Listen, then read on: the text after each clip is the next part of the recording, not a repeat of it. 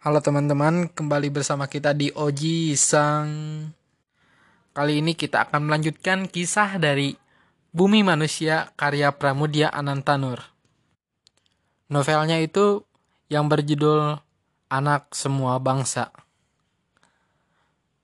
Kita di sini akan mereview sedikit tentang isi dari novelnya karena sebelum-sebelumnya itu Novel keduanya itu berjudul Anak Semua Bangsa. Di sini kita akan mereview sedikit kisah-kisah yang berada dalam bukunya, tetapi kita tidak langsung menceritakan seluruh kisahnya seperti dalam novel Bumi Manusia karena ini tuh masih belum difilmkan atau masih novel keduanya itu berjudul Anak Semua Bangsa. Untuk kali ini kita akan mereview saja tidak menceritakan secara full kisahnya. Oke, lanjut aja. Di sini menggambarkan penderitaan rakyat Jawa di bawah pemerintahan Belanda yang licik dan haus kekuasaan. Dari sudut pandang Minke, seorang penulis pribumi yang begitu mendewakan Eropa. Kita dapat melihat kembali sejarah bangsa Indonesia serta bercemin melihat diri sendiri.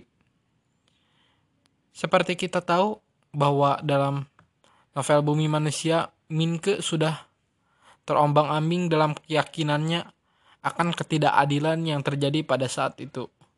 Sampai akhirnya ia sadar bahwa ia harus turun memperhatikan bangsanya sendiri.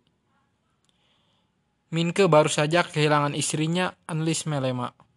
Sahabatnya lah, Panji Darman, yang sudah menemaninya hingga Anlis sampai ajalnya di Belanda. Banyak surat yang dikirimkan oleh Panji Darman untuk Minke dan mertuanya Nyai Antasaro. Selama waktu itu, Minke dan mertuanya saling mendukung untuk lepas dari duka cita. Pandangan Minke akan dunia dan bangsa-bangsa yang ada di dalamnya dipengaruhi oleh para teman-temannya yang kebanyakan orang Eropa. Karena ia sendiri adalah lulusan HBS. Ia sering berkirim surat dan bertukar pikiran dengan keluarga Delacroix. Salah satu sahabatnya, Jean Marais, adalah seorang seniman berkebangsaan Perancis. Suatu hari ia meminta Minke untuk menulis dalam bahasa Melayu. Dengan tujuan agar bangsanya sendiri dapat membaca karya Minke. Minke terkejut dan merasa terhina. Ia merasa rendah apabila harus menulis dalam Melayu.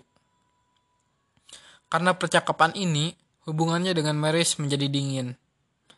Hanya karena Mesaroh anak Jen dan Minke akhirnya mau berbaikan dengan Jen lagi. Selanjutnya, Minke diminta oleh Martin Nijman atasannya untuk mewawancara Ho Aso dalam bahasa Inggris. Seorang aktivis dari Cina yang berusaha membangunkan bangsanya dari mimpi-mimpi mereka. Ia dapat melihat Jepang mulai menyamai kedudukan negara-negara Eropa. Tetapi betapa terkejutnya Minke saat harian itu terbit yang tercetak berbeda sekali dengan wawancara dan tulisan yang telah ia kerjakan. Artikel tersebut berisi tuduhan pada Ho Oh Se yang mengatakan dirinya seorang pelarian. Kejadian ini menyadarkan Minke bahwa Eropa yang selama ini ia agung-agungkan tidak selamanya benar. Eropa tidak lebih terhormat daripada kau sendiri. Eropa lebih unggul hanya di bidang ilmu, pengetahuan, dan pengendalian diri. Lebihnya tidak. Katanya teringat oleh mamanya. Kalau mereka bisa disewa, siapa saja yang bisa membayarnya? Mengapa iblis takkan menyewanya juga? Itu pun kata yang teringat olehnya. Sepertinya semesta belum mengizinkan Minke untuk tenang, karena setelah itu Comer, teman dan Jen Meris mendukung apa yang telah Jen katakan sebelumnya. Selama ini Comer telah menerjemahkan tulisan Minke ke dalam bahasa Melayu. Commerce mengatakan bahwa Minke tidak mengenal bangsanya sendiri karena selama ini ia melihat keadaan dari kacamata Eropa. Minke tidak terima dikatai seperti itu, tapi ia tidak dapat membuktikan sebaliknya juga. Karena masih diselimuti kesedihan, Minke dan Nyi Ontosoro lalu memutuskan untuk berlibur ke Tulangan, Sidoarjo, kampung halamannya. Mereka menginap di rumah Sasro Kasier, saudara Nyi Ontosoro. Mata Minke akhirnya terbuka akan kenyataan bangsanya sendiri. Dulu, Nyai Antosoro dijual untuk menikahi tuan administrator, Melema. Kini Surati, anak Sasro kasir, terpaksa menikahi tuan administrator, Fleckenbeige, karena jebakan orang Belanda itu. Untungnya Surati sengaja menularkan cacar dari kampung sebelah pada Fleckenbeige. Jadilah Fleckenbeige meninggal dan Surati yang dulu jelita kembali ke rumah dengan borok di wajahnya. Kepercayaan Minke akan Belanda mulai pudar. Ia makin bertekad untuk mengenal bangsanya. Maka menginaplah ia selama beberapa hari. Di rumah salah satu petani, Truno Dongso, yang tinggal bersama dengan istri dan empat anaknya. Truno Dongso bercerita kepadanya mengenai kecurangan-kecurangan pemerintah Belanda yang sering memaksa dan tidak menempati janji. Sementara para petani tidak bisa berbuat apa-apa untuk menuntut hak mereka. Minke berjanji pada Trunodongso akan membantunya dengan jalan menulis penderitaannya. Selain itu, ia juga menulis tentang Surati, tetapi sangat ingin menerbitkan tulisannya tentang Trunodongso.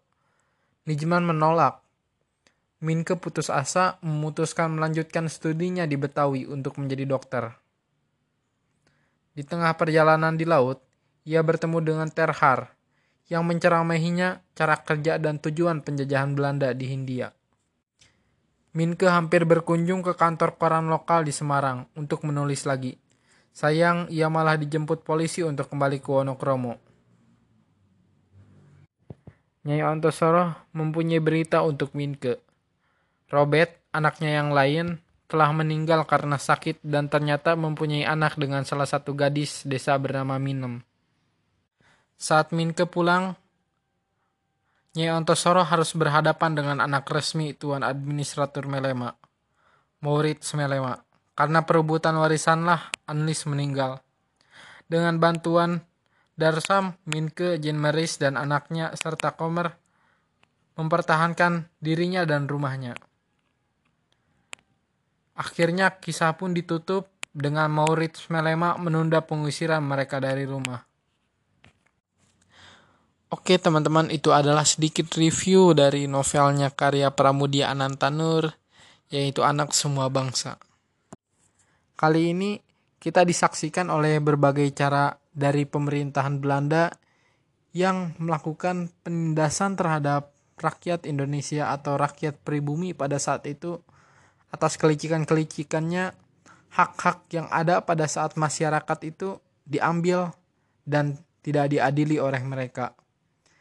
Bahkan untuk mengadili mereka pun rakyat pribumi tidak memiliki hak. Akhirnya di novel kedua ini Minke melihat sadar bahwa betapa buruknya bangsa Eropa terhadap bangsa Indonesia pada saat itu. Dan